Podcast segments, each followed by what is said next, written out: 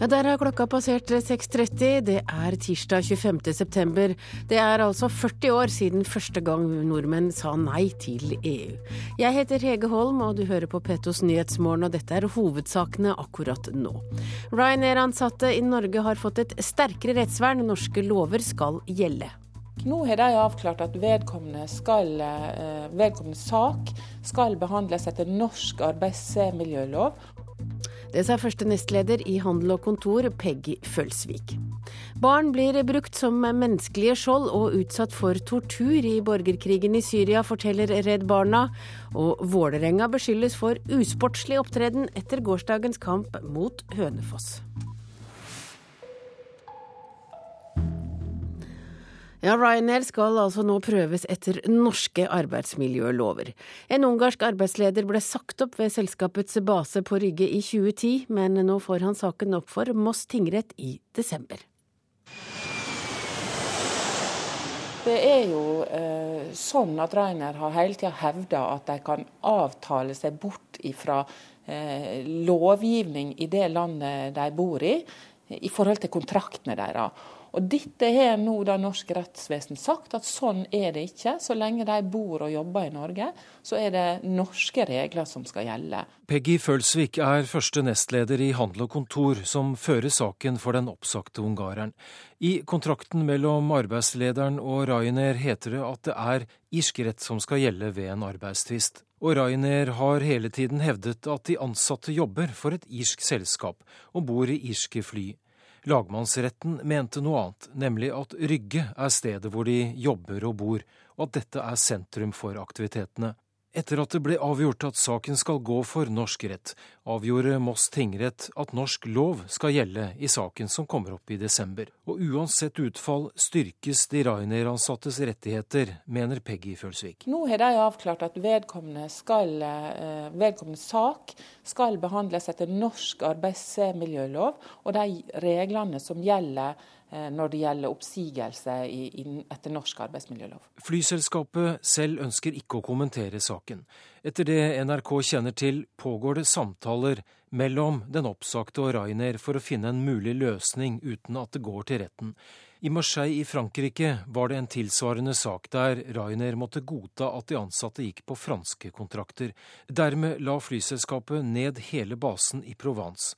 Handel og Kontor tror også at saken på Rygge kan få konsekvenser. Så lenge det her nå er en, en eh, rettskraftig avgjørelse, så ser man jo også eh, til den avgjørelsen innenfor EØS-området, faktisk, eller innenfor EU-domstolen sitt eh, område. Så, så, det er mange som følger med denne saken. Ja, Det sa altså første nestleder i Handel og Kontor, Peggy Følsvik, og reporter her var Lars Håkon Pedersen.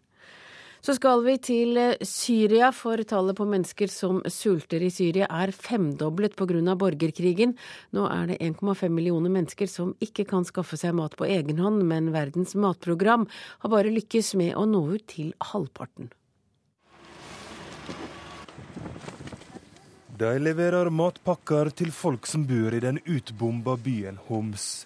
Opprinnelig skulle verdens matprogram mette 250 000 syriske munner, men det tallet er femdobla, forteller direktør i Verdens matvareprogram, Erarind Kossin. Um, we've moved to, after the June assessment of need, to a targeted um, population of 1.5 million. Blant de 1,5 millioner som ikke har mat, er det mange barn. De flokker rundt hjelpekonvoiene som kommer til Homs, og får litt suppe eller en pose poteter. There are people who are away from their homes. And if we don't provide them with the food assistance that, that they, that's required, they will go hungry. Dette er mennesker som er vekke fra heimene sine og hvis vi ikke forsyner dem med mat, vil de gå sultne, sier Kassin.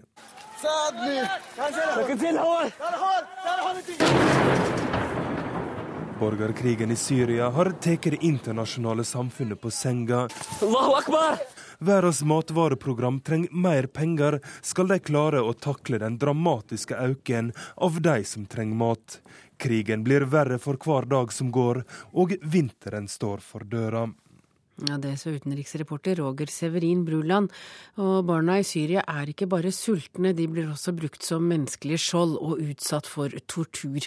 I dag starter Redd Barna en internasjonal underskriftskampanje for å be FNs generalsekretær Ban Ki-moon om å dokumentere overgrepene mot barn, slik at en dag kan overgriperne stilles til ansvar når krigen en dag er slutt. Hundrevis av barn er drept, og enda flere er sendt på flukt, og kommunikasjonssjef i Redd Barna i Norge, Liv Liv Line Hegna. Dere skriver at råskapen mot barn under borgerkrigen er helt utenom det vanlige. På hvilken måte? Det vi ser i Syria i dag, er at eh, barn ikke er tilfeldige offer. De er eh, konkrete mål eh, for krigshandlingene. Historiene som barna vi møter forteller om, er vanskelig å ta inn over seg. Og de viser at overgrepene er en bevisst strategi i krigen. Eh, barn forteller om eh, tortur. Barn blir arrestert eh, og bl.a. ført til skoler som de sier er omgjort til tortursentre. Et av barna kollegene mine har snakket med, viser fram sår på kroppen. Han forteller at han var eh, blant 100 barn som ble arrestert. De ble tatt til den tidligere skolen hans. Der ble han holdt i ti dager. De to første av disse dagene ble de tvunget til å stå oppreist i et klasserom. De fikk ikke mat eller vann.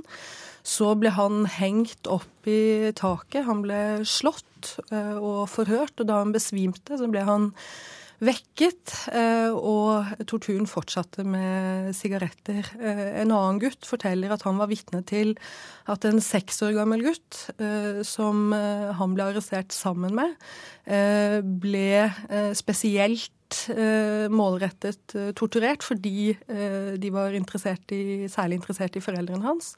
Han ble grovt mishandlet, fikk ikke vann og mat på tre dager, og til slutt så døde han. Det er også historier om at barn blir brukt som levende skjold. En far forteller at uh, han var vitne til at barn var bundet fast på tank som kom inn i landsbyen. Uh, og det var naturlig nok ingen som, som angrep eller ville skyte eller prøve å stoppe tanksen, fordi de jo ikke ville beskytte, nei, også fordi de ville beskytte barna. Hvorfor tar de barna? Også når det gjelder eh, å bruke de som skjold, så handler det jo om å kunne forflytte seg eh, uten å bli hindret, fordi folk ikke vil angripe sine egne barn. Men når de setter barn, dem på skoler og torturerer Når de torturerer de, så er det folk sier til oss, er at de mener at det er for å, eh, for å straffe foreldrene eller hele lokalsamfunn. At de gjør det for å få ut informasjon. Og noen sier også at det er for å ramme framtida til Syria. At de vil skade den oppvoksende slekt. Og nå vil dere samle inn underskrifter som skal be Ban Ki-moon om å, å dokumentere, men er det mulig å dokumentere? Det er vanskelig å dokumentere i en uoversiktlig situasjon, men i tråd med regler for krig og en eh, sikkerhetsresolusjon om barn og eh, unge i krig, så har vi faktisk en plikt som verdenssamfunn til å rapportere de overgrepene som skjer. Og Derfor så er det viktig at eh, FN og medlemslandene stiller alle ressurser til rådighet, sånn at det blir dokumentert og eh, overgriperne kan stilles til ansvar. Det skylder vi ofrene for disse overgrepene. Eh, og det er også viktig at vi viser at vi som verdenssamfunn ikke tolererer disse overgrepene, og at brudd på men, det som Men Line Hegna, altså kommunikasjonssjef i Redd Barna, har du tro på at de noen gang blir stilt for en rett? Vi må tro uh, at uh, de, folk skal stilles til ansvar for det de har gjort. Vi har sett det i andre kriger. Det er et av de viktige virkemidlene vi som verdenssamfunn har i møte med den type overgrep og uh, uforståelig ondskap som vi ser i Syria i dag. Takk til deg, kommunikasjonssjef i Redd Barna, Line Hegna. Den europeiske menneskerettighetsdomstolen har gitt grønt lys til at den terrormistenkte Abu Hamza al-Masri og fire andre kan utleveres fra Storbritannia til USA.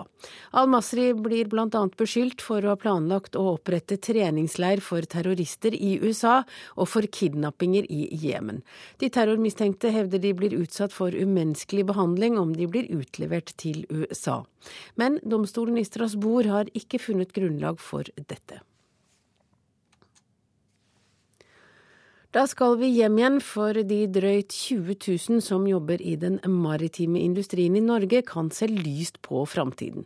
Selv om oljeprisen skulle falle, er utsiktene for eh, de kommende årene, eller i det hele tatt de kommende ti årene, svært gode.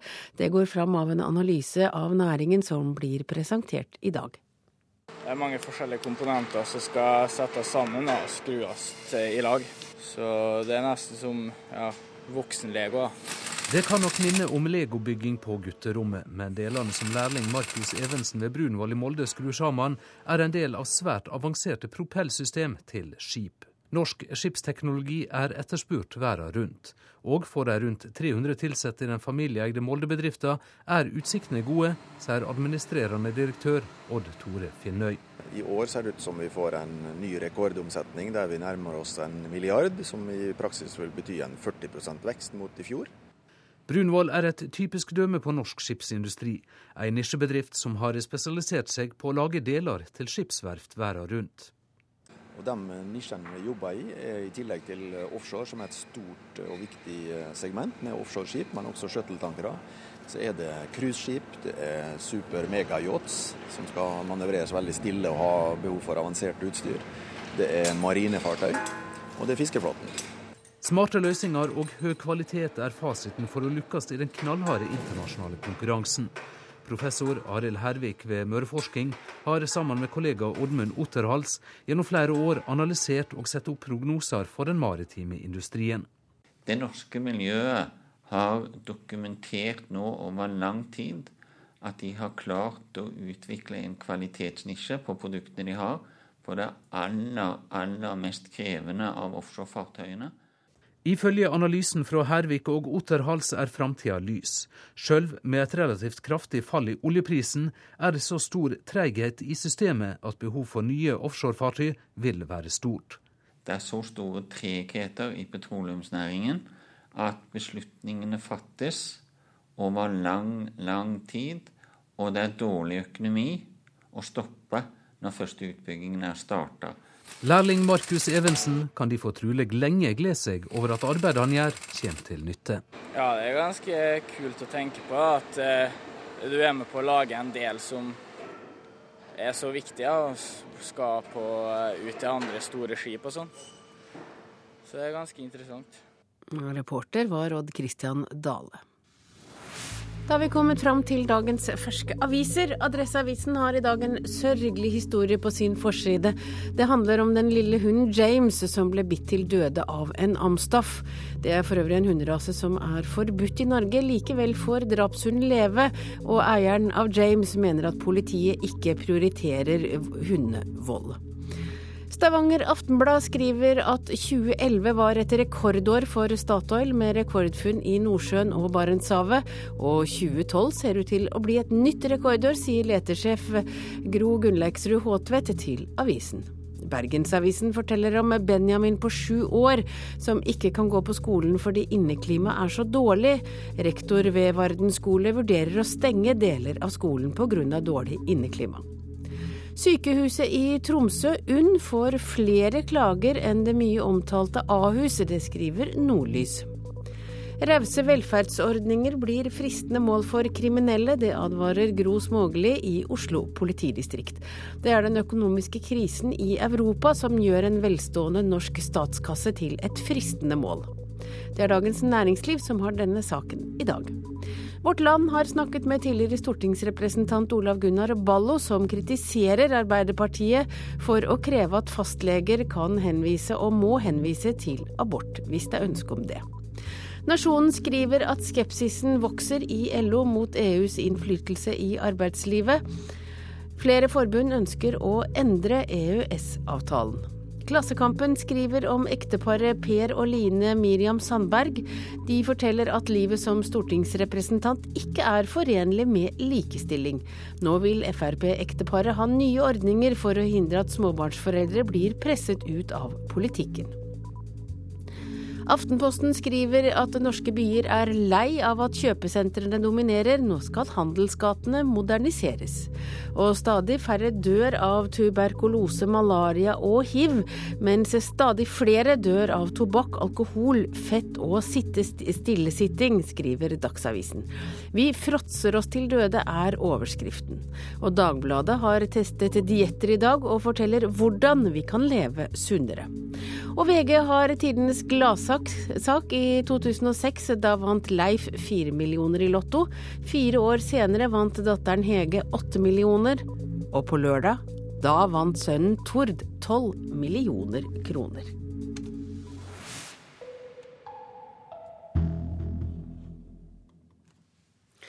Vålerenga beskyldes for usportslig opptreden etter gårsdagens kamp mot Hønefoss-laget. Gjorde et planlagt keeperbytte etter bare ett minutt, og dermed var debatten i gang omkring i Fotball-Norge. Var byttet fair play?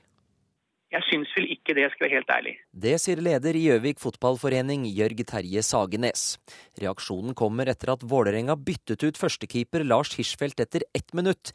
Inn kom reserve Gudmund Taksdal Kongshavn. Da sier reglene at Kongshavn kan spille dagens kamp for andrelaget til Vålerenga mot Gjøvik.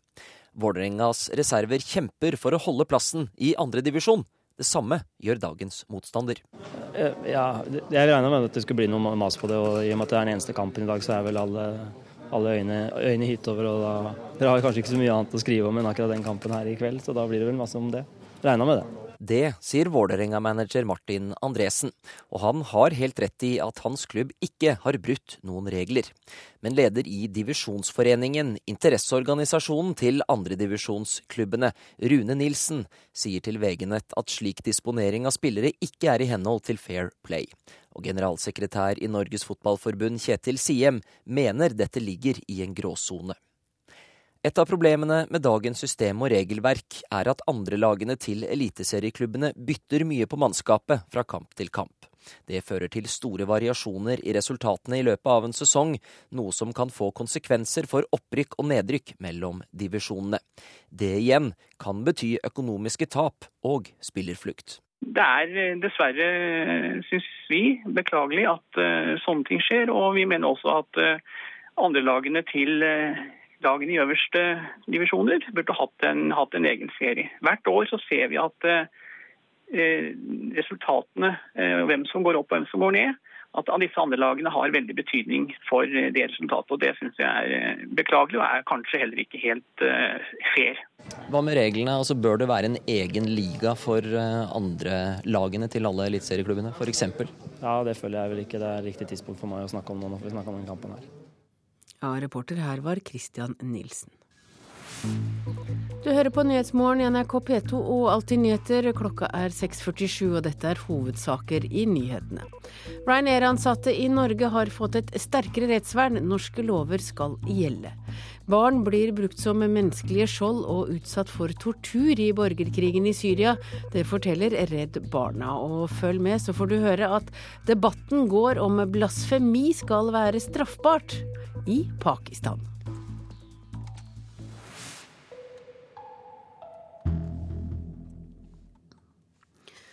Fem år gamle Alexander i Narvik har store talevansker og får i dag tett oppfølging fra Spesialpedagogisk senter i Nordland. Men senteret står i fare for å bli lagt ned, noe som betyr at rundt 400 barn kan miste hjelpetilbudet som de har i dag. Og foreldrene til Alexander er redd det vil gi sønnen en tøff start på skolegangen. Ja, alle er redde. Skulle så mye? Hva? Skal du si ifra? Ja. I sandkassa hjemme hos familien Jacobsen har foreldrene til fem år gamle Alexander ingen problemer med å forstå hva sønnen deres ønsker å fortelle. Nei, oppå dungen. Og oppå dungen? Men mor til Alexander, Janne Jacobsen, er fullt klar over at ikke alle andre forstår han like godt. I to år har de derfor fått oppfølging fra Spesialpedagogisk senter i Nordland. Han har fått atskillig mer språk fra han var tre og til nå. Og eh, det har jo hjulpet meg veldig masse. Senteret hjalp i fjor 400 barn fra hele fylket.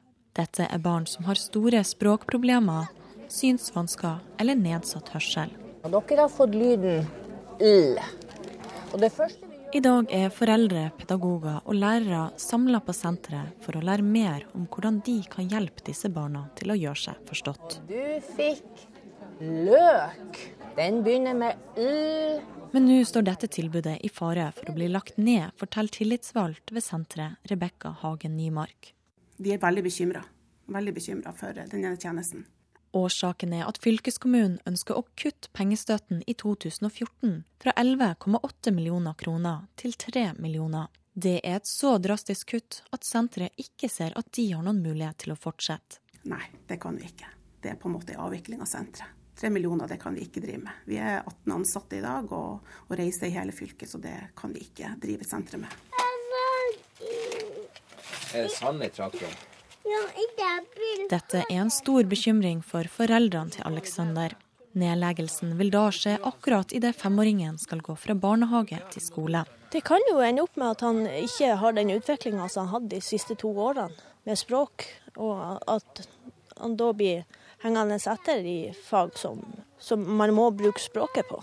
Fylkesråd for utdanning i Nordland, Marit Tenfjord, sier hun forstår bekymringa, men at det er en tanke bak kuttforslaget. Årsaken til det, det er den omorganiseringa som skjer i Statsped, der de har tidligere kjøpt eh, tjenester hos oss, og nå ønsker de å overta. Men de vil ikke overta alt. Vi har jo ment at de burde overta alle stillingene våre og det totale kompetansemiljøet som vi har bygd opp. Så langt har vi ikke fått de med på det. I tillegg er Statped i en omstillingsfase som varer ut 2016. Først da altså tre år etter at Spesialpedagogisk senter kan ha blitt nedlagt, vil det være helt klart hva som blir statens oppgave å følge opp. Det forteller regiondirektør i Statped, Tormod Aasland. De oppgavene på det området som er statens ansvar, vil vi følge opp. Men det som er kommunalt og fylkeskommunalt ansvar, det gjør vi ikke. Dette får Nymark ved Spesialpedagogisk senter til å frykte at barn som i dag får hjelp, vil falle utenfor. Ja, det vil det være. Brukere som absolutt faller utenfor, ja, som Statped ikke tar ansvaret for. Derfor håper hun at senteret kan fortsette å drive som i dag, og hvis ikke i hvert fall så ønsker vi at de kan gi oss et budsjett og midler, så at vi i hvert fall kan drive ut 2016 til vi vet hva staten har tenkt og hva de planlegger. Dette kan ikke fylkesråden love, men hun sier at saken vil bli nøye vurdert før budsjettet vedtas i desember. Mor til Alexander håper at det ikke blir dette punktet at fylkeskommunen vil spare penger. Jeg syns ikke det er verdt å spare på at unger ikke skal lære seg å snakke, ikke skal lære seg å se og ikke skal lære seg å bevege seg sånn som de skal. Og reportere var Hilde Mongset Lorentzen og Dan Henrik Klausen. Pilegrimsleden mellom Oslo og Trondheim er i ferd med å gro igjen. Det kommer fram i et nytt forskningsprosjekt som dokumenterer at kulturminner over hele landet i stadig større grad dekkes av busk og kratt. Urovekkende, mener riksantikvaren Roger Jensen har gått pilegrimsleden mange ganger. 643 km. Det gir en, en refleksjon om hva man har i vente. 64 mil til fots. Ja, det er noe å se frem til. Med litt også frykt og beven. Vi er blant høyhus og trikk i Middelalderparken i Oslo. Her fra Mariakirken legger mange pilegrimer ut på turen til Nidaros. Også lenger ut på turen har det skjedd endringer i landskapet. Skog og kratt vokser til og skaper et annet landskap enn det pilegrimene vandret gjennom i middelalderen. Det kommer fram av forskningsprosjektet Kultur, som har sett på gjengroing av kulturminner over hele landet. Ja, Pilegrimsleden er, er, en veldig viktig satsing for Riksantikvaren. Så de, de, opplysningene som har kommet fram gjennom kulturprosjektet om si, faren for utsiktene, utsiktene, til gjengroing langs i hvert fall deler av leden, det er, det er nyttig for oss og, og urovekkende.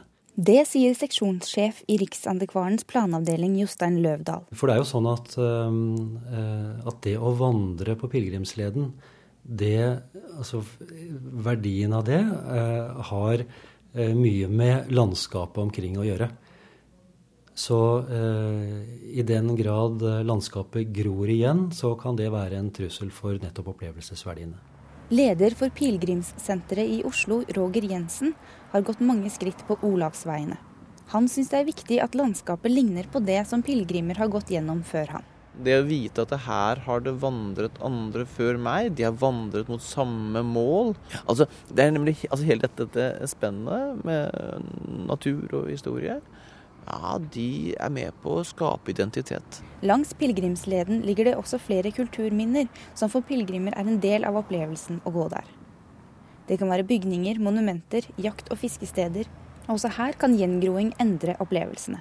Det vi eh, eh, frykter, er jo at, eh, at, det ikke skal bli så interessant og opplevelsesrikt å, å, vandre på pilegrimsleden. At man ikke får kontakten med kulturminner og naturverdier på samme måte som hittil.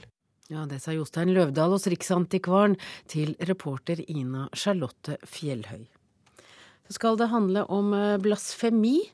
Debatten går om blasfemi skal være straffbart. Den debatten går ikke her, den går i Pakistan.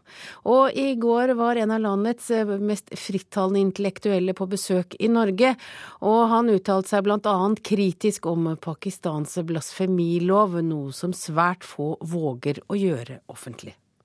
I say it should not be the law, because there is no such law in the Quran. It was created by imams. Han er imot blasfemiloven, professor Mubarak Haider, som talte i Oslo i går. Loven blir praktisert stadig strengere i Pakistan, og mange hinduer og kristne er forfulgte. Denne uken vil Pakistans president trolig ta ordet i FNs generalforsamling for å oppfordre til et internasjonalt blasfemiforbud. When you are conscious of being superior, you don't accept criticism. That is natural. You believe that somebody who challenges your superiority is either jealous of you or hates you or is your rival or wants to take your superiority away. Mubarak Haider sier at muslimers syn på seg selv som et opphøyet folk gjør dem ekstra sensitive for kritikk. Uh, I Pakistan tar flere akademikere, politikere og religiøse minoriteter nå til orde for å fjerne, eller i det minste moderere, blasfemiloven. They have been disputing it. They have been disagreeing with this, this uh, law and they demanded that it should at least be uh. Men debatten preges av frykt. Enten så er man for eller så er man imot, og de som er imot er jo veldig veldig forsiktige med hvordan de uttaler seg. Det sier Tina Shagufta Kornmo, som er leder for organisasjonen Likestilling, integrering og mangfold, som står bak arrangementet. Eh, og det er det største problemet, kanskje. At det er, veldig, det er, veldig, mange som ikke tør å si at de er imot. Fordi det er så mange følelser forbundet med dette her. Du har en mobb som plutselig kan dukke opp og, og enten eh, lemleste deg eller til og med ta livet av deg. Og det har vi sett mange eksempler på. Så denne frykten, det er det som preger eh, debatten. Flere av norskpakistanerne på møtet bekrefter at dette er et følsomt tema i Pakistan. For meg det er en urettferdig lov. Men kunne du sagt dette her i Pakistan? Nei. Jeg vil ikke overleve. Jeg vil ikke overleve. Vi er jo selvfølgelig veldig imot det. Vi er jo for religionsfrihet, og så ser vi jo det blir misbrukt i Pakistan. Man bruker det som en sånn verktøy for å ta folk, da. Kunne dere sagt det om jeg kom fra pakistansk radio? Så lenge vi er i trygghet i Norge, så. Jeg kan ikke det. Og på møtet i går var reporter Ina Strøm. Da har vi kommet til et varsel som gjelder til midnatt. I fjellet i Sør-Norge kan det bli østlig kuling. I kveld minkende vind, sludd og regn i sør og snø over 1000 meter. På Østlandet vil det være nordøstlig liten kuling på kysten. Den minker i kveld, ellers regn i sør og utpå dagen også i nord. I kveld overgang til regnbyger i sør, kan hende med torden. Aust-Agder og Telemark på kysten nordøstlig liten kuling, først på dagen stiv kuling og i kveld minkende til bris. Regn, senere regnbyger og lokalt mye nedbør. Vest-Agder i indre strøk østlig frisk bris, tidlig på dagen kuling utsatte steder. På kysten øst eller nordøst sterk kuling. Gradvis minkende utover dagen og i kveld frisk bris. Regn, senere regnbyger. Rogaland østlig sterk kuling, kan hende liten storm utsatte steder på kysten lengst i sør. I ettermiddag minkende til stiv kuling og perioder med regn.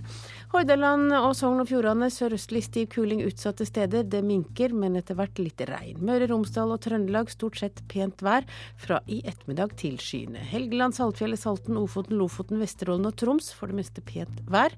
Finnmark for det meste pent vær, men noe mer skyet på vidda. Og i Nordensjøland på Spitsbergen først på dagen litt snø. Stort sett oppholdsvær. Og så er det noen temperaturer målt klokka fem. Svalbard lufthavn hadde minus tre grader, mens Røros hadde også minus tre grader, ellers bare plussgrader. Så det er ingen grunn til ikke å ta sykkel til jobben i dag.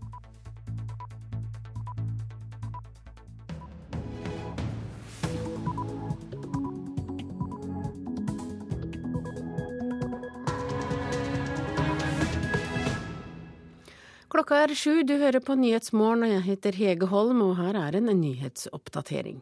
Sju av ti ungdommer som overlevde Utøya, forteller om en eller flere plager knyttet til depresjon eller angst i ettertid. Man blir fortere redd for ting, man kan få angstanfall. Eh, eller bare være deprimert, rett og slett. Og da blir det vanskelig å, å gjøre ting, da.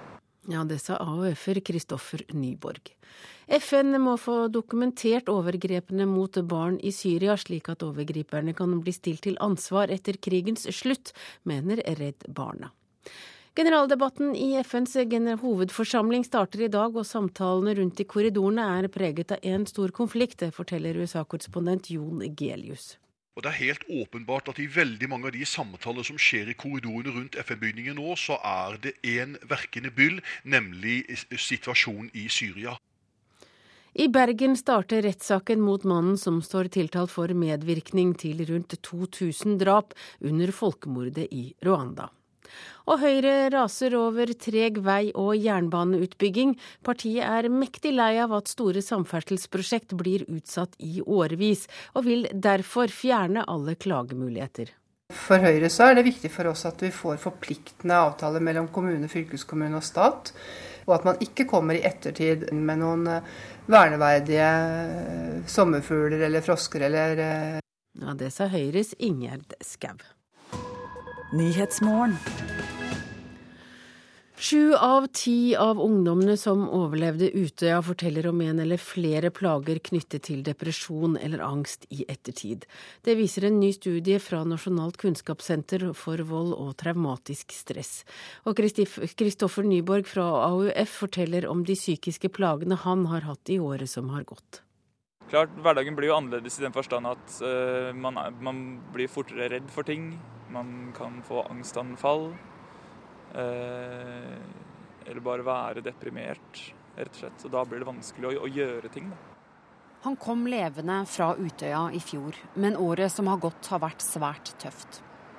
For tiden er 26 år gamle Kristoffer, som jobber som kommunikasjonsmedarbeider i AUF, deltidssykemeldt. Noen dager så føles det ut som man nesten står opp på feil bein, rett og slett. Hele dagen er nyansert av at, at ting er vanskelig.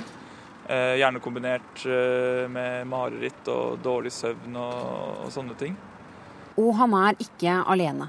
Syv av ti av de som kom hjem fra Utøya, sier i en ny studie at de har vært plaget av ett eller flere symptomer på depresjon eller angst i året som har gått. AUF-leder Eskil Pedersen sier at han selv har slitt psykisk etter Utøya-terroren, og mener at tallet på hvor mange som sliter, er dramatisk. Men det er kanskje ikke så overraskende tall, fordi at eh, terroren 22.07 er noe av det mest dramatiske eh, vi har opplevd i Norge, og som mennesker kan eh, være igjennom. Pedersen mener det først og fremst er profesjonelle aktører som må hjelpe Utøya-ungdommen med traumene. Vi har vært opptatt av å si veldig tydelig at det er det offentlige hjelpeapparatet, helsevesenet, kriseteamene, psykologene, som uh, har ansvaret for oppfølgingen av ungdommene som bærer på disse opplevelsene. Men jeg er veldig glad for at mange, uh, et stort flertall av de overlevende, svarer at de har funnet mye trøst i AUF også, ved å jobbe videre med de tingene de tror på politisk, og selvfølgelig ved å snakke med og bearbeide følelsene sammen med alle de andre som overlevde. Og det skal vi ha ambisjon om å fortsatt være i framtida. Samholdet med andre AUF-ere og psykologhjelp en gang i uken har vært avgjørende for Kristoffer Nyborg. Han tror alderen hans tross alt har gjort det siste året litt enklere å komme gjennom. Jeg er nå 26 år, Og er antageligvis litt mer rusta til å gå gjennom sånne dramatiske ting eh, enn det mange av de yngre fra Utøya er. Man kan jo da prøve å forestille seg hvordan det er å vokse opp med et sånt inntrykk. Det er en del av, eh, av ungdommen, rett og slett. Av den beste tiden du skal gå gjennom. Og reportere var Hanna Lunde og Ole Marius Rørstad. Og Grete Dyb, du er forsker ved Nasjonalt kunnskapssenter om vold og traumatisk stress. Og du er også prosjektleder for Utøya-studiene. Og her hørte vi altså Kristoffer si at han trodde alderen hjalp han, at han var såpass voksen som 26 år. Er det lettere for en 26-åring å takle enn for mange av de andre på Utøya som var 17-18 år? Altså En sånn hendelse vil være vanskelig for alle, både barn, ungdom og voksne. Men det er klart, eh, med, med den livserfaringen 26-åring har, så, så, kan det kanskje på mange måter være bedre å komme seg gjennom det enn det er for en på 15 år. Eh, så sånn sett er det kanskje det enda verre. Men alle de som var der, de opplevde jo i stor grad livsfare og var veldig trua eh, gjennom en lang tid, da, mange, flere timer. Eh, og har opplevd det i ettertid veldig vanskelig. Mange har jo sett venner dø, og de har jo opplevd eh, ting som vel nesten ingen andre i Norge har opplevd. Iallfall ikke vi som har bodd i, vokst opp i Norge. Nei. Eh, er det noe apparat som kan gi dem den hjelpen de trenger? Nå ble det jo mobilisert et ganske omfattende hjelpeapparat i etterkant. Men vi skal huske på at disse ungdommene de bor over hele landet. I små og store kommuner. Eh, i kommuner som har et eh, godt hjelpeapparat rustet for å hjelpe folk etter slike hendelser. Og Men kan vi forstå hva det er de har opplevd? Eh, det er ikke lett. Det er ekstremt. Det er ikke bare i norsk sammenheng, men også i internasjonal sammenheng så er denne hendelsen helt enestående i seg sjøl. Den, den, er av en sånn karakter at det er vanskelig å forestille seg hva de har vært gjennom. Eh, men det må vi faktisk. Vi må prøve så godt vi kan å forstå hva de har opplevd, høre på hva de har å si. Og det har vi gjort i denne studien. Vi har fått lov til å fortelle eh, akkurat hva de opplevde fra minutt til minutt. Og altså 70% av de eh, dere har snakket med, har, de sliter. Tror, mm. du, din, tror du at de fleste kommer til å, å bli friske, eller mer altså slutte å slite? Altså Det vi vet, er jo at posttraumatiske stressreaksjoner, depressive reaksjoner og traumatiske sorgreaksjoner, som også mange har, det er reaksjoner som, som reduseres over tid. Eh, det er mange som vi ser får en tilheling, altså de blir friskere i løpet av ett til to år. Og det er jo selvfølgelig også det vi håper på for disse ungdommene og de voksne. Eh, så Derfor så har jo vi valgt å legge opp en studie som intervjuer dem tre ganger. For nettopp å følge med på den utviklingen, for å se at det går i riktig retning for, for de aller fleste, og at de får den hjelpen de trenger. For de trenger både støtte, som det blir sagt her, fra sine nærmeste og fra de som har opplevd det samme, som kan støtte og trøste, men også fra et godt hjelpeapparat som vet hva som hjelper. Og da må det være Eh, hjelpepersoner som, som, har satt seg inn i hva som faktisk bidrar til uh, å tilhele i slike situasjoner. Men Hva er det viktigste i en situasjon hvor man sliter med depresjon og angst? Kanskje dårlig samvittighet over at en overlevde mens kameraten mm. ikke gjorde det, eller at en ikke reddet flere, eller ja. våkner om natta med stygge bilder? Ja, altså vi vet jo at uh, behandling i forhold til altså Eh, kognitiv atferdsterapi f.eks., en av de mer moderne behandlingsformene, vet vi er effektive. Og det har vi faktisk også studier på i Norge som, som viser det. Så vi har oppfordra hjelpeapparatet til å sette seg ned og lære seg å utøve de beste behandlingsmetodene for å få et best mulig resultat. Og Dere er i hvert fall engasjert, og dere følger ungdommene. Takk til deg, Grete Dyb. Du er altså forsker ved Nasjonalt kunnskapssenter om vold og traumatisk stress. Verdens ledere er akkurat nå samlet i New York, der de møtes til sitt faste årlige treff, nemlig generaldebatten i FNs hovedforsamling. Den starter i dag, og tradisjonen tro er en av de første talerne USAs president. Det forteller USA-korrespondent Jon Gelius. Det er jo over 120 verdensledere som er ventet hit til New York, og FNs 67. generalforsamling. Og Det eh, man har forventninger til, er jo nettopp Obamas tale, som da skjer ca. klokken 16 norsk tid i ettermiddag. Og Han er ventet først og fremst å snakke om verkebyllen i FN, nemlig situasjonen i Syria og tilstanden generelt i Midtøsten etter arabervåren. Og så er det også ventet at han vil snakke om det muslimske opprøret mot eh, filmen som krenker profeten Muhammed, og som utløste opptøyer i flere land, deriblant Libya, der USAs ambassadør ble drept. Ja, Kommer han på noen måte til å beklage filmen? Det virker ikke sånn av de tingene som er kommet ut på forhånd i talen hans, men han kommer til å være ganske tydelig ifølge de meldingene som er kommet. Nemlig om at eh, man bør ignorere når den type artistiske uttrykk, den type kunstneriske uttrykk blir eh, lansert på nett og andre steder. Eh, han var inne på dette også i et fjernsynsstudio i går her i New York. Eh, men det er ingenting som tyder på at han vil beklage noe som helst, men at han vil adressere eh, dette som eh, noe man bør ignorere og heve seg over. Men eh, enda viktigere enn det som skjer i selve hovedforsamlingssalen, er jo alle møtene som skjer utenfor når så mange verdensledere er samlet på ett sted. Hvilke møter knyttes det mest interesse til i år?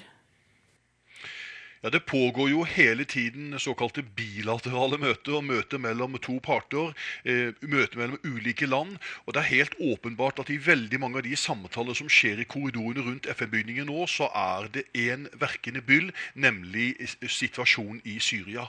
Eh, et annet tema er også det spente forholdet mellom Israel og Iran, hvor israelske myndigheter har truet med reaksjoner for å få stanset Irans angivelige planlagte atomvåpenprogram.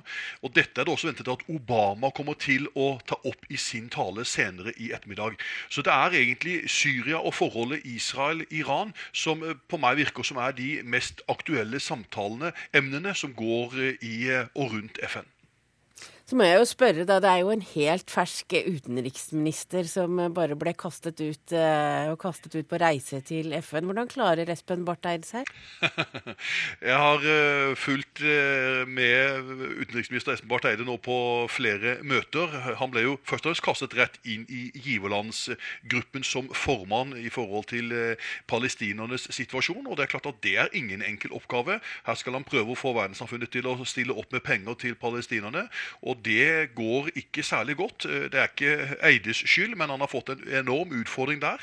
Eh, han skal også være til stede under Obamas tale i, eh, FN senere i dag, og følger jo med så godt han kan. og har tett møter med forskjellige andre utenriksministre. Det er klart at Han har jo vært lenge i gamet, han var jo tidligere statssekretær i Utenriksdepartementet. Men det å være i frontlinje nå som Norges nye utenriksminister, og litt i å si, fotsporene til Jonas Gahr Støre, som veldig mange i FN-systemet kjenner, det er klart at han bruker litt mer tid det så jeg på et av møtene også, til å introdusere seg selv og fortelle hvem han er. Men så langt jeg kan klare å bedømme dette, så det ser det ut som at han ikke har noen premierenerver i de møtene jeg har vært på. Ja, da vet vi i hvert fall det, og det var Jon Gelius fra USA. Det er for mange reinsdyr i Finnmark, mener landbruksminister Trygve Slagsvold Veum fra Senterpartiet, som nå foreslår å slakte hvert fjerde reinsdyr, nærmere 40 000 dyr. Det skriver Aftenposten. Reinsdyrene har gått dramatisk ned i vekt de siste årene, og årsaken er at for mange dyr går på vinterbeite. Reduksjonen må skje så fort som overhodet mulig, og vi forutsetter at hvert distrikt gjennomfører nødvendige tiltak, sier landbruksministeren, og truer med tvangsmulkt og mindre økonomiske tilskudd. Klokka er 13 minutter over sju. Du hører på Nyhetsmorgen i P2. Og dette er hovedsaker akkurat nå. Sju av ti ungdommer som overlevde Utøya, forteller om psykiske plager, viser undersøkelse. Mye vil dreie seg om Syria når verdens ledere samles til generaldebatt i FNs hovedforsamling i dag. Og følg oss videre, så får du høre at striden om øyene i Øst-Kina-havet har tilspisset seg nå i morgentimene.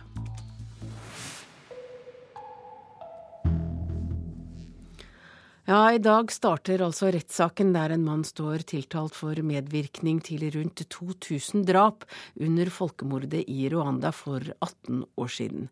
Det er første gang Norge prøver en slik sak for domstolen her, og det er viktig stille, det er viktig å stille ham for retten her, mener professor i internasjonal strafferett Jo Stigen. Ja, det er veldig viktig. Eh, det viser seg at etter sånne konflikter som den i Rwanda, så spres ganske raskt eh, forbryterne rundt nær sagt på hele kloden. Og da er det slik at alle land i verden må ta sin tørn og prøve å stille disse til ansvar. Det er et eh, katolsk bispesete som ligger der. Det er Kibungo sykehus som ligger her. Og så er det Berenga kommunehus som ligger her nede. Kripos-advokat Marit Formoe peker på kartet over Kibungo tre massakre i aprildagene 1994 på et lite område. Så døde det ca. 1000 mennesker her. Ca. 40 mennesker her eh, og ca. 1000 mennesker her. De var kvinner og barn, unge som gamle, drept med macheter, klubber, stokker, håndgranater og skytevåpen. Langt de fleste var tutsier, og massakrene var en del av et av de verste folkemordene verden har sett. Mannen på tiltalebenken skal av vitner ha blitt utpekt som en lederfigur. En som var med å organisere massakrene. Han skal i forkant av drapene ha deltatt i møter hvor drapene enten ble planlagt eller beordret, stilt bil til disposisjon for å transportere bevæpnede menn til steder der likvideringen skulle skje, og han skal ha vært til stede eller i nærheten av massakre og oppildnet til de drapene som ble begått, ifølge tiltalen. Den er basert på rundt 150 vitneavhør. Eh, vitner som var til stede på de ulike hendelsene, enten som overlevende, andre gjerningsmenn også. 47-åringen kom til Norge for 11 år siden og jobbet som renholder i Bergen inntil han ble pågrepet i fjor. Han påstår at han er uskyldig. Det er ifølge hans forsvarer ingen tekniske bevis mot ham, men det at tiltalen baserer seg på vitneavhør, trenger ikke svekke den, mener Jo Stigen. Det er heller ikke noen krav eh, etter norsk strafferett til at det skal være teknisk bevis i en drapssak. Det kan godt være bare vitnebevis. Det eneste kravet er at det ikke skal være rimelig tvil. Og det er klart Hvis det er mange vitner som forteller det samme Det ville jo være litt overraskende hvis ikke de har en sterk nok sak når de går til dette skrittet. Det er bare fire år siden Norge fikk en egen lov som gjør det mulig å dømme personer for folkemord. Den kan ikke brukes mot tiltalte, fordi massakrene skjedde før loven kom på plass. Altså, du kan jo si Det at uh, det er jo en grunn til at vi nå har fått disse folkemordbestemmelsene. Rundt 20 vitner flys inn til Norge for å forklare seg i saken, mens de fleste skal være med på linje fra Rwanda. Tre måneder er satt av til rettssaken, der 47-åringen risikerer lovens strengeste straff for medvirkning til drap. Ja, det sa utenriksreporter Åse-Marit Befring. I Rwanda forsøker myndighetene nå å gjenreise landet ved å koble sammen forsoning og fattigdomsbekjempelse. Afrikakorrespondent Lars Sigurd Sunnanå har besøkt en landsby som skal være en modell for mange andre i årene som kommer. Det hamres, sages og snekres i landsbyen Kitasigurva, en times kjøring sør for Rwandas hovedstad Kigali. Bygningsarbeiderne, det er rundt 100 av dem, har oransje bukser og jakker. De er drapsmenn og soner fengselsstraffer etter å ha vært med på folkemordet for 18 år siden. Nå bygger de hus med takstein og innlagt elektrisitet for Rwandas aller fattigste. Til sammen 700 boliger er under oppføring som et ledd i den afrikanske nasjons gjenreising etter folkemordet og borgerkrigen som la den i ruiner. Kitasigorva er en såkalt modellandsby, og det skal bli mange slike i Rwanda fremover. Skikkelig hus til erstatning for stråhyttene som er så vanlige på landsbygda. Og det er ikke snakk om at de som flytter inn, skal betale for boligene, forteller regjeringens områdesjef Ovimana Pierre. No, no, no, people can never pay. They get house freely, and those activities that you have done here, they got it freely without paying. Den sosiale boligbyggingen i Kitasigorva er bare ett eksempel på et land som strekker seg maksimalt for å få sine innbyggere opp og ut av fattigdommen. Den økonomiske veksten de siste årene, kombinert med satsing på næringsutvikling, skoler, sykehus, veier og annen infrastruktur, har gjort Rwanda, med sine nær 11 millioner innbyggere, til det mange mener er blitt en mønsterstat i Afrika. At det er så som så med demokrati, press og ytringsfrihet under president Paul Kagames regime, snakkes det mindre om når representantene for Verdensbanken og Det internasjonale pengefondet kommer på rosende besøk. For folk flest i Uganda er det ikke disse verdiene som teller mest. Iallfall ikke for Nokoranga Feliciani, som nettopp har flyttet inn i ett av husene i modellandsbyen. Jeg ble så overrasket, sier han. Jeg hadde aldri forestilt meg at jeg skulle få et hus noen gang. Dette er en stor forandring i livet mitt. I fellesfjøset i Kitasigurva får vi vite at regjeringen også gir dem som flytter inn, en ku i tillegg til boligen. Men på ett vilkår. Den første kalven kua får, skal gis videre til en familie som ikke har noen ku. Og så må de i sin tid også gi fra seg den første kalven når kua har vokst opp. Slik spres velstand i Rwanda.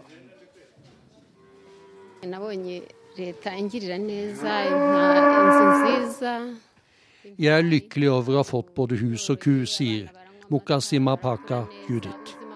Livet er blitt så mye lettere nå når jeg har melk til meg selv og barna mine.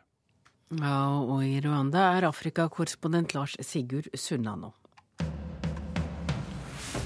35 medlemmer av den militante islamistiske gruppen Boko Haram er drept i kamper med regjeringsstyrker, det opplyser den nigerianske hæren.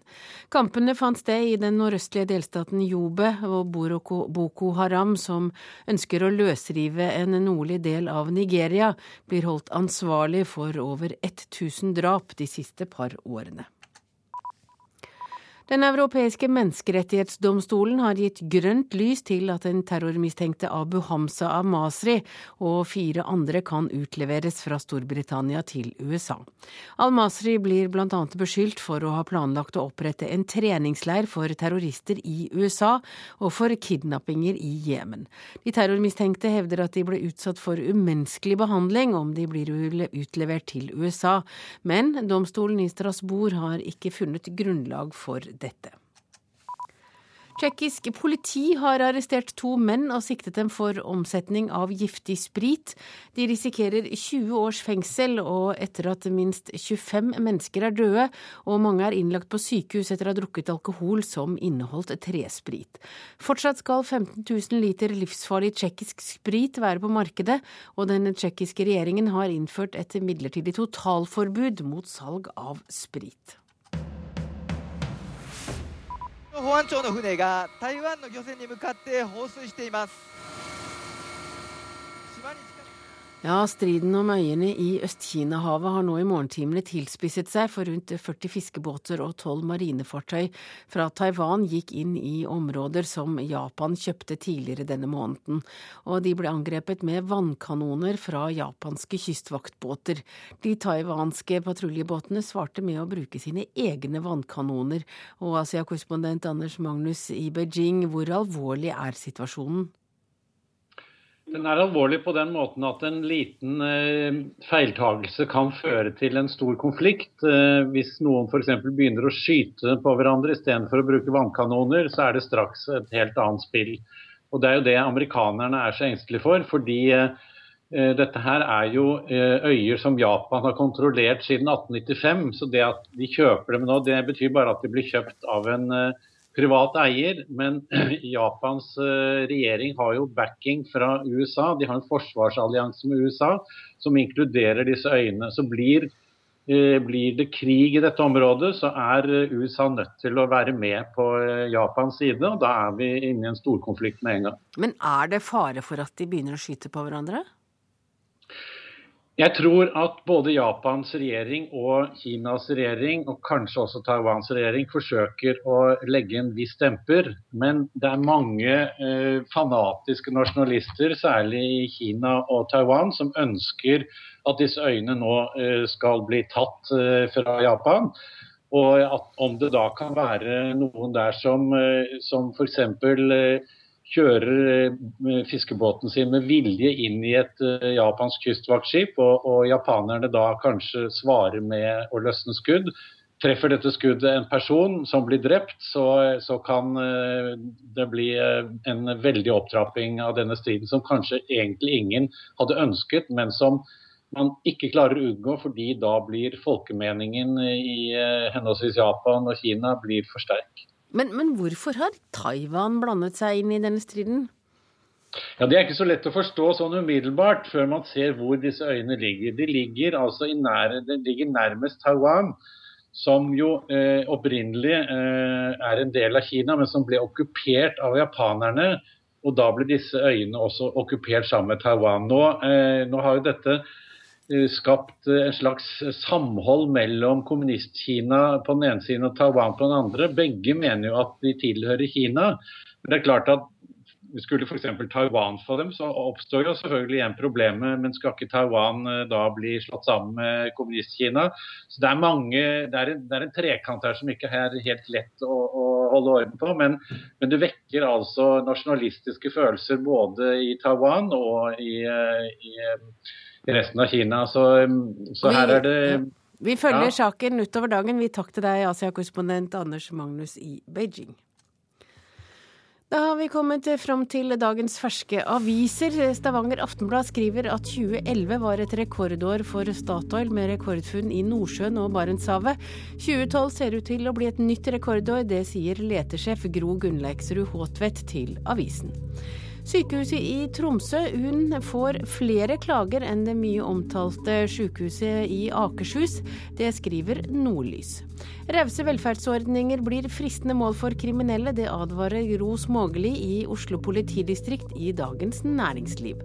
Vårt Land har snakket med tidligere stortingsrepresentant Olav Gunnar Ballo, som kritiserer Ap for å kreve at fastleger må henvise til abort.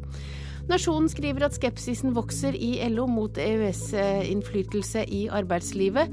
Flere forbund ønsker å endre EØS-avtalen. Og Klassekampen skriver om ekteparet Sandberg, som forteller at livet som stortingsrepresentant ikke er forenlig med likestilling. Nå vil Frp-ekteparet ha nye ordninger for å hindre at småbarnsforeldre presses ut av politikken.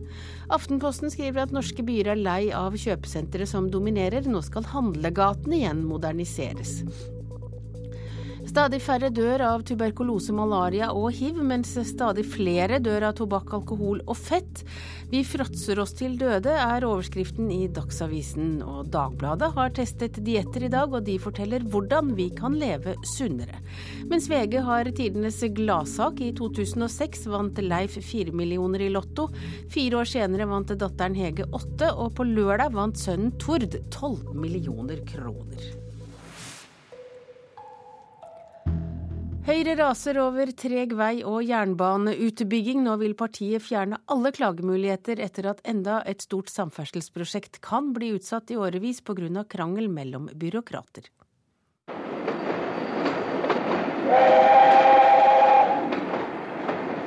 Det er mange pendlere som står klare på perrongen for å komme seg på jobb, men nå kan enda et stort samferdselsprosjekt bli utsatt i årevis pga. krangel mellom byråkrater. Det er usikkert om Østfoldbanens østre linje kobles på det nye dobbeltsporet mellom Ski og Oslo. Østfold-politikerne protesterer ved å legge inn innsigelser som kan bremse prosjektet. Ikke langt unna suser trafikken på nye E18. Men det er bom stopp på fylkesgrensa mellom Østfold og Akershus. Akershus-politikerne ville ikke ha veien samme sted som Statens vegvesen, og krevde omkamp. Ingjerd Skau fra Høyre sitter i transport- og kommunikasjonskomiteen på Stortinget, og er lei alle forsinkelser, og vil fjerne klagemulighetene som bremser store nasjonale prosjekter. Jeg tenker at vi både må effektivisere og endre det som er tilstanden i dag. Eh, for Høyre så er det viktig for oss at vi får forpliktende avtaler mellom kommune, fylkeskommune og stat. Eh, og at de forholder seg til en dato, og at det er én eh, og samme plan samtidig man forholder seg til. Og at man ikke kommer i ettertid eh, og kommer inn med noen verneverdige sommerfugler eller frosker eller, eller utgravningsbehov som, som måtte dukke opp at det tar veldig lang tid, og det er noe vi har tatt opp med samferdselsministeren gang på gang på gang. Fylkesordfører i Østfold Ole Haabet fra Arbeiderpartiet er tydelig på hva han synes om dagens planlegging. Østfold ble ikke tatt med i planleggingen av Follobanen, og han mener mange krangler kunne vært unngått hvis staten sikrer at alle er med på å planlegge fra starten. Statens koordinering av sine forskjellige eh, virksomheter eh, den må ivaretas på en mye bedre måte. Og der, Deri inkludert fylkesmennene. For det er jo ikke bare det at vi ønsker medvirkning, selvfølgelig gjør vi det. Men det er også det at når man ikke gjør det fra starten av, så forsinker det hele prosessen. Og det er jo til ugunst for alle. Midt i stormen rundt E18 og Follobanen står Skis ordfører Anne Kristine Linnestad fra Høyre. Hun vil ikke ha statlig styring av nasjonale prosjekter, og tviholder på lokalpolitikernes makt. Altså Man må få eh, innspill fra overkommunale myndigheter. Men jeg er ikke for en statlig regulering. Er det noen som kjenner hvor skoen trykker på, så er det de som har den. Og, og det gjør lokale politikere, og det gjør lokal befolkning. Og reporter her var Anette Torjussen. Og det er like før klokka er halv åtte. Da er det tid for Dagsnytt med Anne Jetlund Hansen. Etter Dagsnytt eh, skal vi til USA, der valgkampen er i full gang. Både Barack Obama og Mitt Romney kjemper om stemmene til den amerikanske middelklassen. I Politisk kvarter i dag, der skal det handle om EU. Det er 40 år siden vi sa nei første gang. Jeg heter Hege Holm, produsent for Nyhetsmorgen er Jean Erik Bjørnskau.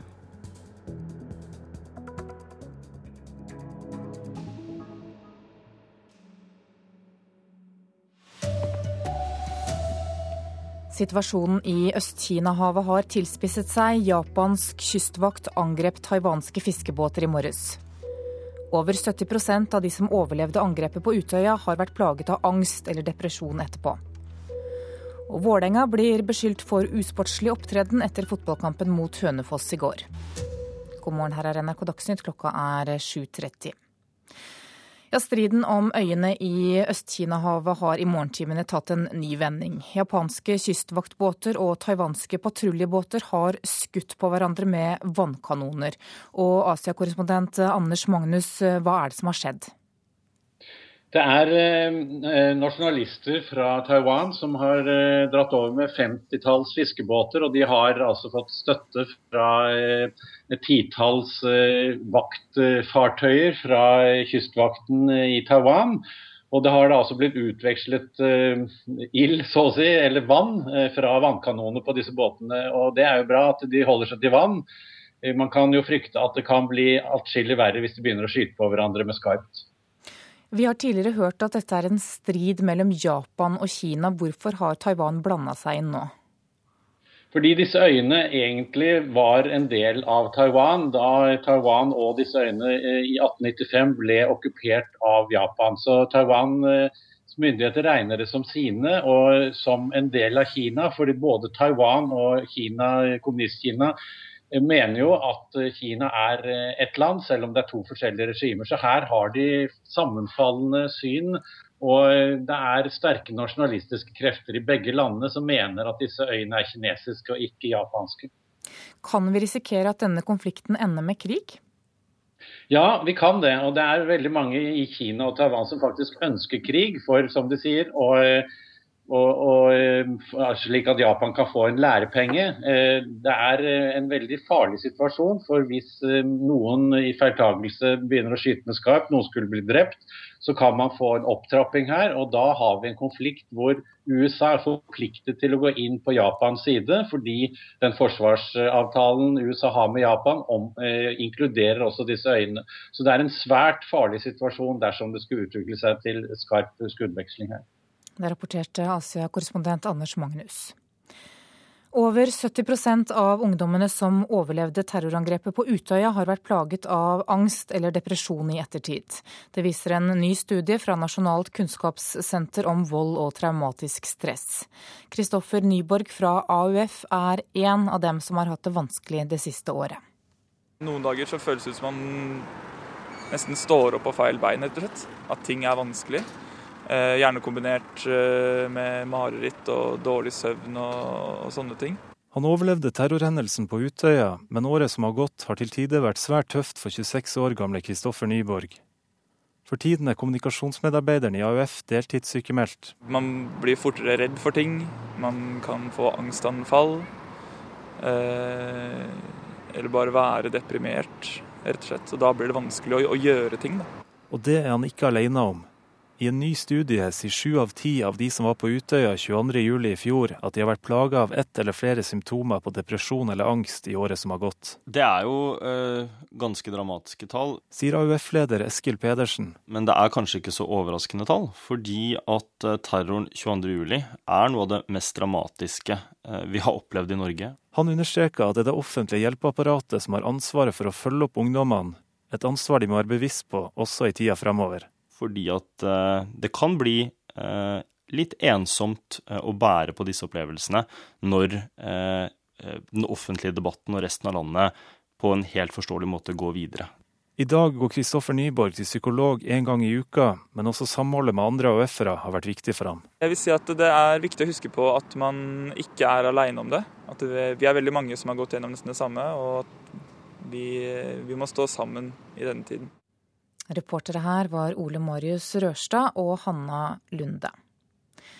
Flyselskapet Ryanair må for første gang møte i norsk rett i en arbeidsrettssak. Det skjer i desember, og retten har slått fast at selskapet må rette seg etter norske arbeidsmiljølover. Dette er en seier, mener første nestleder i Handel og Kontor, Peggy Følsvik. Jeg tror det vil være viktig. fordi det er jo eh, sånn at Reiner har hele tida hevda at de kan avtale seg bort fra eh, lovgivning i det landet de bor i, i forhold til kontraktene deres. Og Dette har nå da norsk rettsvesen sagt, at sånn er det ikke. Så lenge de bor og jobber i Norge, så er det norske regler som skal gjelde. Og Det blir prinsipielt viktig for uh, denne saken, for kommende saker i Norge. Og vi mener det også kan ha betydning for, uh, for uh, lignende saker rundt om i Europa. Ryanair ønsker ikke å kommentere saken. Syriske barn blir torturert til døde. Det sier Redd Barna, som i dag starter en internasjonal underskriftskampanje for å få FNs generalsekretær til å dokumentere overgrepene mot barn i Syria. Kommunikasjonssjef i Redd Barna Norge, Line Hegna, vil sørge for at overgriperne stilles til ansvar når krigen er over. Det vi ser i Syria i dag, er at eh, barn ikke er tilfeldige offer. De er eh, konkrete mål eh, for krigshandlingene. Historiene som barna vi møter forteller om, er vanskelig å ta inn over seg. Og de viser at overgrepene er en bevisst strategi i krigen. Barn forteller om tortur. Barn blir arrestert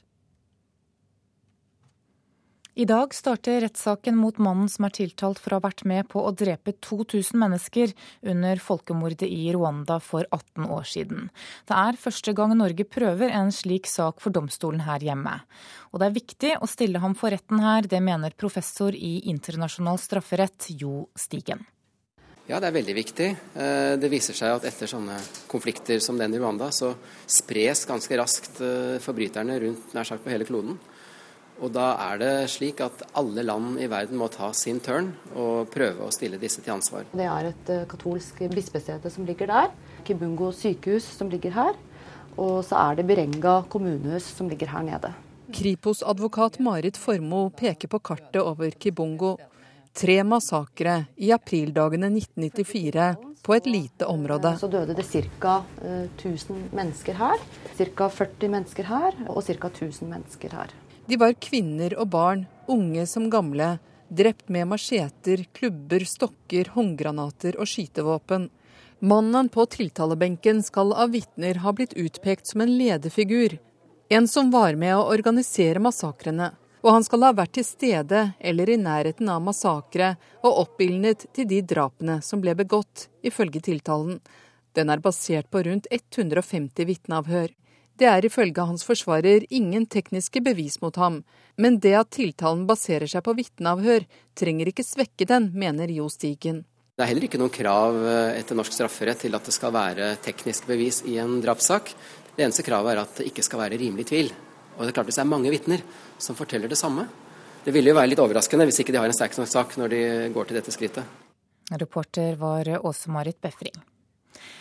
Vålerenga beskyldes for usportslig opptreden etter gårsdagens fotballkamp mot Hønefoss. Laget gjorde et planlagt bytte av målvakta etter bare ett minutt, og dermed var debatten i gang rundt omkring i Fotball-Norge. Var byttet egentlig fair play? Jeg syns vel ikke det, skal være helt ærlig. Det sier leder i Gjøvik fotballforening, Jørg Terje Sagenes. Reaksjonen kommer etter at Vålerenga byttet ut førstekeeper Lars Hirschfeldt etter ett minutt. Inn kom reserve Gudmund Taksdal Kongshavn. Da sier reglene at Kongshavn kan spille dagens kamp for andrelaget til Vålerenga mot Gjøvik. Vålerengas reserver kjemper for å holde plassen i andredivisjon.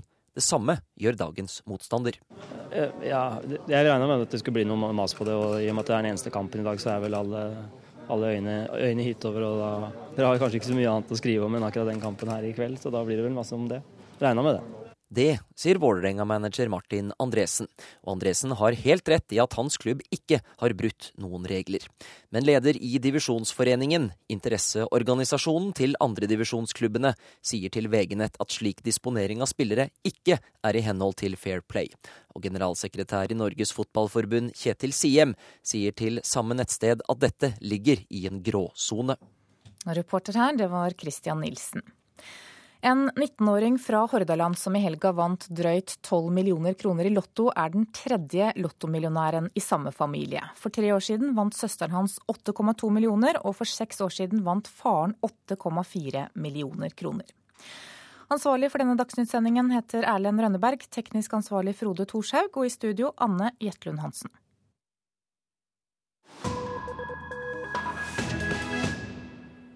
Og klokka den er ti minutter over halv åtte, og vi skal til USA, der valgkampen er i full gang. Både Barack Obama og Mitt Romney kjemper om stemmene til den amerikanske middelklassen. Men disse velgerne sliter nå mer enn tidligere økonomisk, og i vippestaden Colorado er det flere og flere som trenger hjelp fra andre for å overleve.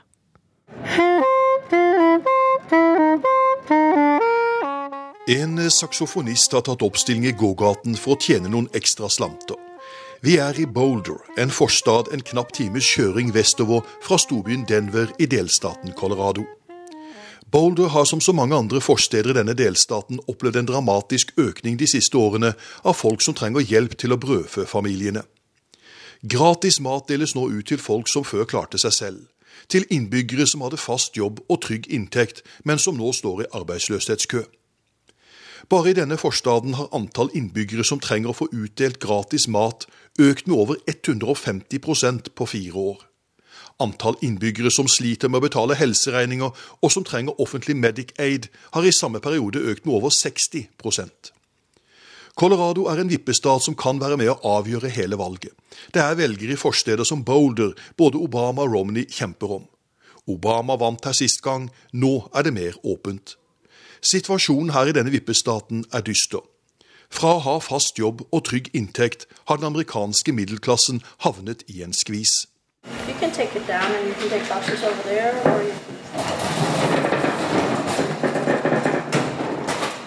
Det tømmes frukt og grønnsaker i matdisken på det privatdrevne hjelpesenteret Sister Carmen her i Boulder. Et senter som takket være frivillige gaver deler ut gratis mat til et økende antall familier. Senteret har aldri tidligere hatt større pågang enn nå. Og lederen Suzanne Crawford forteller om mange nye ansikter og folk som aldri tidligere har mottatt hjelp fra noen. In particular, over the last three years, we've seen a huge increase in formerly middle class families coming to us for assistance. So these are people who have never had to ask for assistance before, um, don't know how to go about accessing services and help because they've never asked for it before. Her i Boulder økte utgiftene for å redde stadig nye familier i nød så dramatisk at kommunen valgte å innføre en ekstraordinær øremerket skatt for en femårsperiode. Ekstraskatten gir kommunen 30 millioner kroner. Penger som går direkte til å støtte privatdrevne hjelpesentre og sikre kommunale hjelpetilbud. Lederen for det privatdrevne hjelpesenteret, Sister Carmen, har ingen tro på noen snarlig bedring. Hun frykter det kan ta minst ett år å hjelpe den amerikanske middelklassen ut av sitt økonomiske uføre. I honestly don't think that in one year things will be noticeably different. I think it's going to take several more years before our economy really recovers and before the middle class goes back to being a small, small minority of the people that we serve.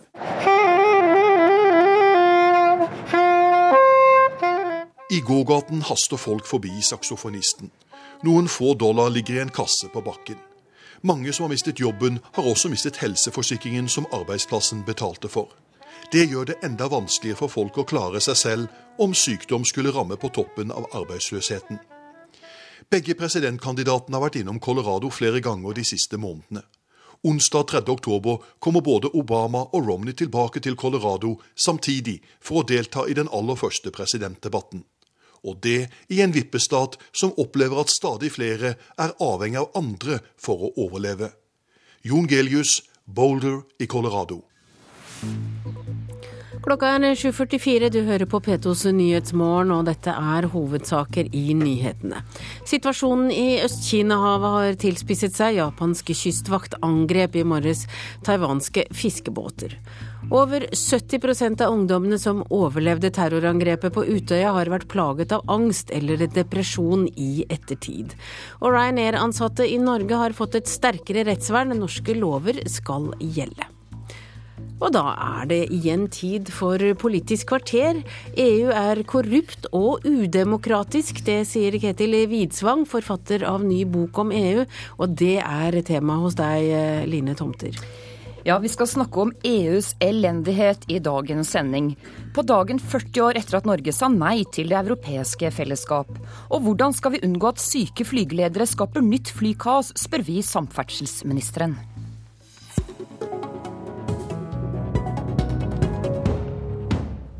EU er i økonomisk knestående, og Norge står utenfor og mesker seg med inntekter fra olje og gass.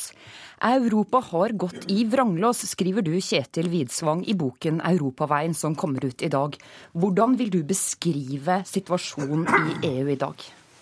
Akkurat nå er den jo, ser jo veldig mørk ut, mørk ut. Du har eh, den økonomiske krisen som ikke er løst i det hele tatt. Og så sliter de med mange av de problemene de har hatt hele tiden. Altså Det er et elitistisk system, et udemokratisk system og et korrupt system. Dette høres ikke bra ut, Raymond Johansen, partisekretær i Arbeiderpartiet og en erklært EU-tilhenger. Hvordan står det til med din europaentusiasme nå om dagen? For det første vil jeg jo si at det å søke medlemskap i EU, det er jo ikke en aktuell, eh, det er ikke en aktuell problemstilling i Norge. Samtidig så vil jeg jo si det, og jeg er for så vidt enig i Kjetils beskrivelse av EU og mye av det som plager den, men jeg tror ikke vi skal glemme det at hvordan EU vokste fram som et freds- og solidaritetsprosjekt etter annen verdenskrig, og også hvordan EU hvordan de også tvinger på en måte nye potensielle medlemsland til å velge en mer demokratisk retning. Se på Serbia nå, f.eks. Og se også hvordan EU eh, e sanksjonerer ekstremisme, som vi ser mot eh, Hellas, Ny Dagry, hvordan de oppfører seg i forhold til innvandrere. Eh, det samme kan vi si i Ungarn, og her har EU en viktig oppgave å holde myndighetene i øra på å påpeke urett. Men, Så ja. det, det, er, det, det er positive ting. og selvfølgelig fravær av krig. At man sitter rundt disse håpløse forhandlingsbordene og prøver å finne løsninger, eh, all byråkrati, all håpløshet. Men fravær av krig, som jo også er en viktig del av Europas historie, er jo også noe positivt ved at man prøver å finne alle løsningene oppi all galskapen. Men tror du nå at Norge noensinne vil bli medlemmer i EU? Nei, du, Det veit jeg ikke. Uh, I det hele tatt skulle man bare for få år siden forutse denne krisa, den globale krisa som nå skyller innover EU. Så eh, det forutså man ikke. Eh, Norge lever et veldig godt liv med en EØS-avtale eh, utenfor, utenfor EU, hvor vi på mange måter er med, men vi er ikke medlemmer. Widsvang, du er fremdeles europaoptimist. Hvordan forklarer du det? Jeg tror EU kommer til å komme over denne krisen av flere grunner. En av dem er at de har gjort det stort sett alle ganger før gjennom mer enn 50 år. At når har, eh, de har hatt store problemer, har møtt kriser, har bestandig ventet til siste, siste øyeblikk, men så har det skjedd. Det er all grunn til å tro at det vil skje igjen. For selv om dette handler om mer enn euroen, det handler om en konkurranse med de store landene som vokser i eh, Asia og Latin-Amerika, så har Europa noen veldig gode forutsetninger. Du har høyere Landene med høyest produktivitet i verden ligger her. Demokratier vokser sterkere økonomisk, 1,5 prosent, enn enn diktaturer. Og ja, man har erfaring med det, så jeg tror det kommer til å ta seg opp. Men det er 75% av befolkningen som nå sier nei til EU. Og NUPI-sjefen han uttalte nå før helgen at eh, Jonas Gahr Støre har gjort lite eller ingenting for å bedre forholdet til Europa. Hvor enig er du i den beskrivelsen, Raymond Johansen? Så for det første er det viktig å si at uh, Soria Moria 1 Soria Moria 2 er veldig klare på at vi, uh, vår tilknytning til Europa, styres gjennom EØS-avtalen, og at det ikke er aktuelt å søke medlemskap i EU. Og jeg syns den tette, gode kontakten vi har med, med EU gjennom EØS-avtalen, og politisk, på menneskerettighetsspørsmål, som jo er sentralt for denne regjeringen, så er jo EU alltid den viktigste partneren innenfor fred og forsoning, viktigste partneren i alle mulige globale organisasjoner, så er de det. Så jeg mener at vi har hatt en eh, god og tett eh, kontakt med EU når det er nødvendig, og samtidig en avstand hvor det er nødvendig, og pleie av EØS-avtalen. Nå nevnte du EØS-avtalen, men nå er det jo sterke krefter i fagbevegelsen som vil bli kvitt deler av EØS-avtalen. Fagforbundet i dag sier at arbeidslivet det bør ut av EØS-avtalen. Hva vil dette gjøre med vårt forhold til EU, Widsvang? Jeg tror ikke det blir skje. Jeg tror eh, vi er for avhengig og for involvert i dette til at de får gjennomslag. Det kan jo hende at Arbeiderpartiet tar en sånn venstresving i opposisjon, som det ofte, ofte skjer, og at de kan eh, få gjennomslag for en stund. Men jeg tror i det øyeblikket det maktpolitisk står om at skal gå ut det, så, det, så, så, vil, så vil de ikke tørre. Men om vårt forhold ellers Det er da interessant da, at vi nå har fått en utenriksminister som i sin ungdom var med en sånn liten føderalistisk altså de virkelig integrasjon i Europa i studiedagene. Det var enda særere enn å være ML-er, tror jeg. Raymond Johansen, hva er din respons til denne store motstanden som nå vokser i deler av fagbevegelsen? Ja, For det første vil jeg si at vi tåler en EØS-avtalediskusjon. Vi tåler en EØS-diskusjon. Vi har hatt en avtale som har regulert forholdet med Europa på en god måte fra 94. Jeg mener at EØS-avtalen har vært god. Den har skapa forutsigbarhet for næringslivet, vært viktig for norske arbeidsplasser. Så det tåler vi. Og jeg vil samtidig si at den diskusjonen om å ta arbeidsrettsdelen ut av EØS-avtalen eh, kan jo føre til at man da får reforhandla hele EØS-avtalen. Og det vil jeg nok advare mot. Styrkeforholdet nå er jo 28 medlemsland mot 3. Så når vi hadde EØS-avtalen i sin tid, så var styrkeforholdet annerledes. Så jeg er usikker på om utgangen av en reforhandling av EØS-avtalen vil gagne norske interesser, norske arbeidsplasser. Men en diskusjon rundt direktivene, det tåler vi. Samtidig så vil jeg si det at en mye større trussel mot arbeidslivsspørsmål i Norge vil være en blå-blå regjering enn EØS. Det er helt åpenbart, for de har snakket om en kraftig liberalisering. En interessant allianse her, da, for de andre som ønsker å ha arbeidslivet ut av EU-avtalen, er jo høyresiden i det britiske Torypartiet. Og det er klart, De presser hardt på for det. Og hvis de får gjennomslag, det kan jo hende, Uh, sammen med deres norske venstreorienterte allierte så kan de jo fjerne hele det grunnlaget for regulering av arbeidsmarked i Europa som faktisk er bygget opp gjennom veldig mange år. En annen ting, I forrige uke så ble det kjent at vi øker tollsatsene på ost og kjøtt. Uh, hvordan vil dette gjøre at vi får en bedre relasjon til EU, Raymond Hansen? Altså, Det var en uh, beslutning regjeringa tok. i forhold Støtter du beslutningen? Til, uh, selvfølgelig gjør jeg det, i forhold til uh, behovet for å ha et norsk landbruk. Og vi har jo hatt mange diskusjoner med EU opp gjennom tida, og jeg er helt sikker på også at vi vil komme greit ut av det da. Vi skal ivareta norske interesser, samtidig som vi skal regulere vårt forhold til Europa. Den diskusjonen tåler vi godt. Det har historia også vist oss fra 94. Widsvang. Det er mange, mange stygge ting å si om dette vedtaket, bl.a. at du bryter bryter med ånden i den krisebehandlingen vi har nå, å innføre nye handelshindrende vedtak.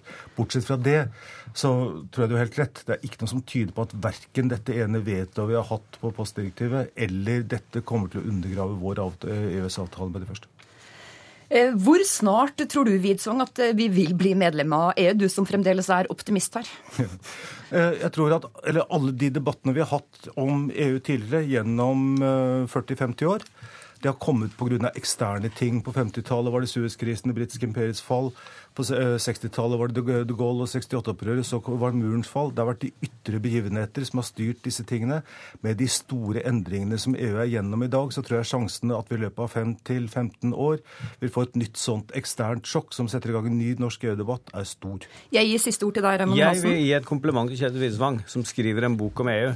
Europas framtid er også Norges framtid. Vi er nødt til hele tida å diskutere vårt forhold til Europa og hva som skjer i Europa. Og det som nå skjer i Europa i forbindelse med denne krisen, er av avgjørende betydning. Det er store endringer. Tusen takk for at dere kom, Raimond Johansen og Kjetil Widsvang.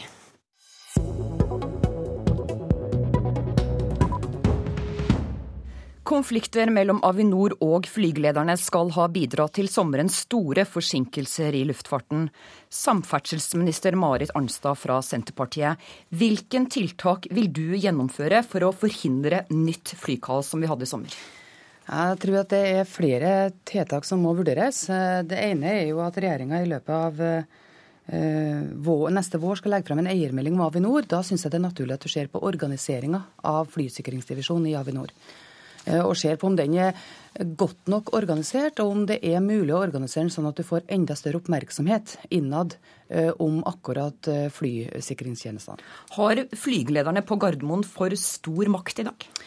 Nei, det har ikke jeg noe grunnlag for å si. Og, og, jeg vil ikke gå inn i den eventuelle konflikten som er mellom Avinor og, og, og flygeledere, fordi det vil jo også et, få et rettslig etterspill. Men, men Avinor har jo sjøl tatt initiativ til en intern granskning av det som skjedde i sommer. Og Den interne granskinga ser, ser, vi jo fram til uh, for å kunne se hvilke forslag som måtte komme ut av det. Når er denne interne granskingen ferdig? Det er jeg ikke, altså De har sagt at de skal gjøre det nå i løpet av høsten, men jeg har ikke fått noen tidsfrist om det. Men det vil jo på en måte departementet komme tilbake til når vi ser resultatet av den. Vil den bli offentliggjort? Ja, det må du nesten, det må du, det, Den type spørsmål må du nesten spørre Avinor om, tror jeg. Eh, men, eh, men, eh, men, som eier så er det i hvert fall viktig for oss å kunne ta med oss den, de interne konklusjonene i det videre arbeidet. Som eier så tror jeg det er for det første det som er nevnt om organisering, som er ganske viktig. Og der, det stiller, vi med, stiller regjeringa med et åpent sinn. Det andre er jo en problemstilling som mange har vært opptatt av når det gjelder sertifisering av flygeledere i Norge. Det er knytta til en forskrift som forvaltes av Luftfartstilsynet. Eh, det har jo vært hevda at du har stramme krav til språk i Norge enn det du har i andre land, og at den tida du trenger på et tjenestested for å bli ferdig opplært, er veldig lang. Kan du åpne for at det blir engelsktalende flygeledere i Norge? Ja, det jeg skulle si da, at Den forskrifta forvaltes av Luftfartstilsynet. Så, så det, det, er ting som vi også vil gjennomgå, men der må vi lytte til det faglige rådet som Luftfartstilsynet gir oss. Eh, i forhold til, til, både språk og også i forhold til den tida det tar å sertifisere en, luft, en flygeleder. Frp er blant dem som har tatt til orde for en nordeuropeisk flykontroll. Hvordan stiller du deg til det? Jo, jeg tror nok utviklinga går i den retning at det blir et stadig sterkere samarbeid eh, mellom eh, ulike land i, Europa. Så den, i den retninga går vi nok. Eh, men det finnes ingen enkle løsninger når det gjelder flygeledere i andre land heller, for det er ikke noe overkapasitet på flygeledere heller ikke i land rundt oss. Eh, hvordan tillit har du til at Avinor klarer å løse de eventuelle problemene som er eh, mot, eh, i deres relasjon til flygelederne? Jeg har tillit til at de tar denne problemstillinga veldig alvorlig. Og at, de, og at den granskinga de nå har iverksatt også er et signal om at de ønsker å ordne opp i det spørsmålet. Men klart de tar det alvorlig. Men mm. tror du at du som samferdselsminister må gripe inn og styre Avinor her? Nei, altså Samferdselsdepartementet som eier griper ikke inn og styrer Avinor, men vi kan vurdere om det er riktig organisering av tjenestene innad i Avinor. Det er en eieroppgave, og det vil vi som sagt komme tilbake til i løpet av våren når, legge, når regjeringa skal legge frem en eiermelding for Avinor. Tusen takk for at du kom, samferdselsminister Marit Arnstad. Heidi Sørensen sier hun føler seg presset til å gå inn for grønne sertifikater. For fem måneder siden gikk SV-politikeren av som statssekretær i Miljøverndepartementet. Jeg mener at det er ikke noe vedtak jeg har vært med på, som jeg angrer mer på. Først og fremst fordi at det vil føre til så store ødeleggelser av norsk natur som vedtaket om grønne sertifikater vil. Elsertifikatordningen, også kjent som grønne sertifikater, ble innført 1.1.2012 gjennom ordningen får produsenter av fornybar strøm tildelt et sertifikat som kraftleverandørene er forpliktet til å kjøpe, en kostnad som så veltes over på strømkundene. Ordningen skal stimulere utbygging av fornybar energi som ellers ikke ville blitt bygget, og var en viktig del av klimaforliket fra 2008. Men Sørensen mener ordningen ikke er spesielt treffsikker. Eh, nei, jeg mener at det er feil å innføre så dramatisk høye subsidier. Jeg mener det har vært bedre at man har hjulpet fram de fornuftige fornybare prosjektene ved å ha en gjennomgang. Sånn som situasjonen er i dag, så er det jo absolutt all vannkraftutbygging, absolutt all vindkraft får denne subsidien. Uansett om det er lønnsomt eller ei? Uansett om det er lønnsomt eller ikke. Det betyr jo at eh, mesteparten av de vannkraftutbyggingene som får denne subsidien, er jo lønnsomt fra før. Systemet med grønne sertifikater har bred støtte i miljøbevegelsen, men har også blitt sterkt kritisert av flere fagmiljøer, bl.a. forskere i Statistisk sentralbyrå. En sentral del av kritikken går på at forbrukerne ender opp med å subsidiere kraftbransjen mer enn miljøet. Og Eier du et vannkraftverk, så eier du nærmest en seddelpresse. Og nå skal du også i tillegg få en subsidie for å bygge den. Det syns jeg er i overkant, og det er feil at vi skal bruke samfunnets ressurser på. Og sette det i retning av jeg mener oversubsidiering av noe som vi da strengt tatt ikke til. Det sa SV-politiker Heidi Sørensen. Og grønne sertifikater er tema på Brennpunkt på NRK1 21.30 i kveld. KrF Vest-Agder vraker sin egen nestleder til fordel for KrF vraker sin egen nestleder til fordel for mer konservative krefter. Etter 13 år på Stortinget er det trolig slutt for KrFs nestleder Dagrun Eriksen. Det ble klart etter gårsdagens nominasjonsmøter. Et klart flertall av lokallagene i Vest-Agder støtter den mer konservative Hans Fredrik Grøvan. Politisk kvarter tirsdag er over. I studio satt Line Tomter.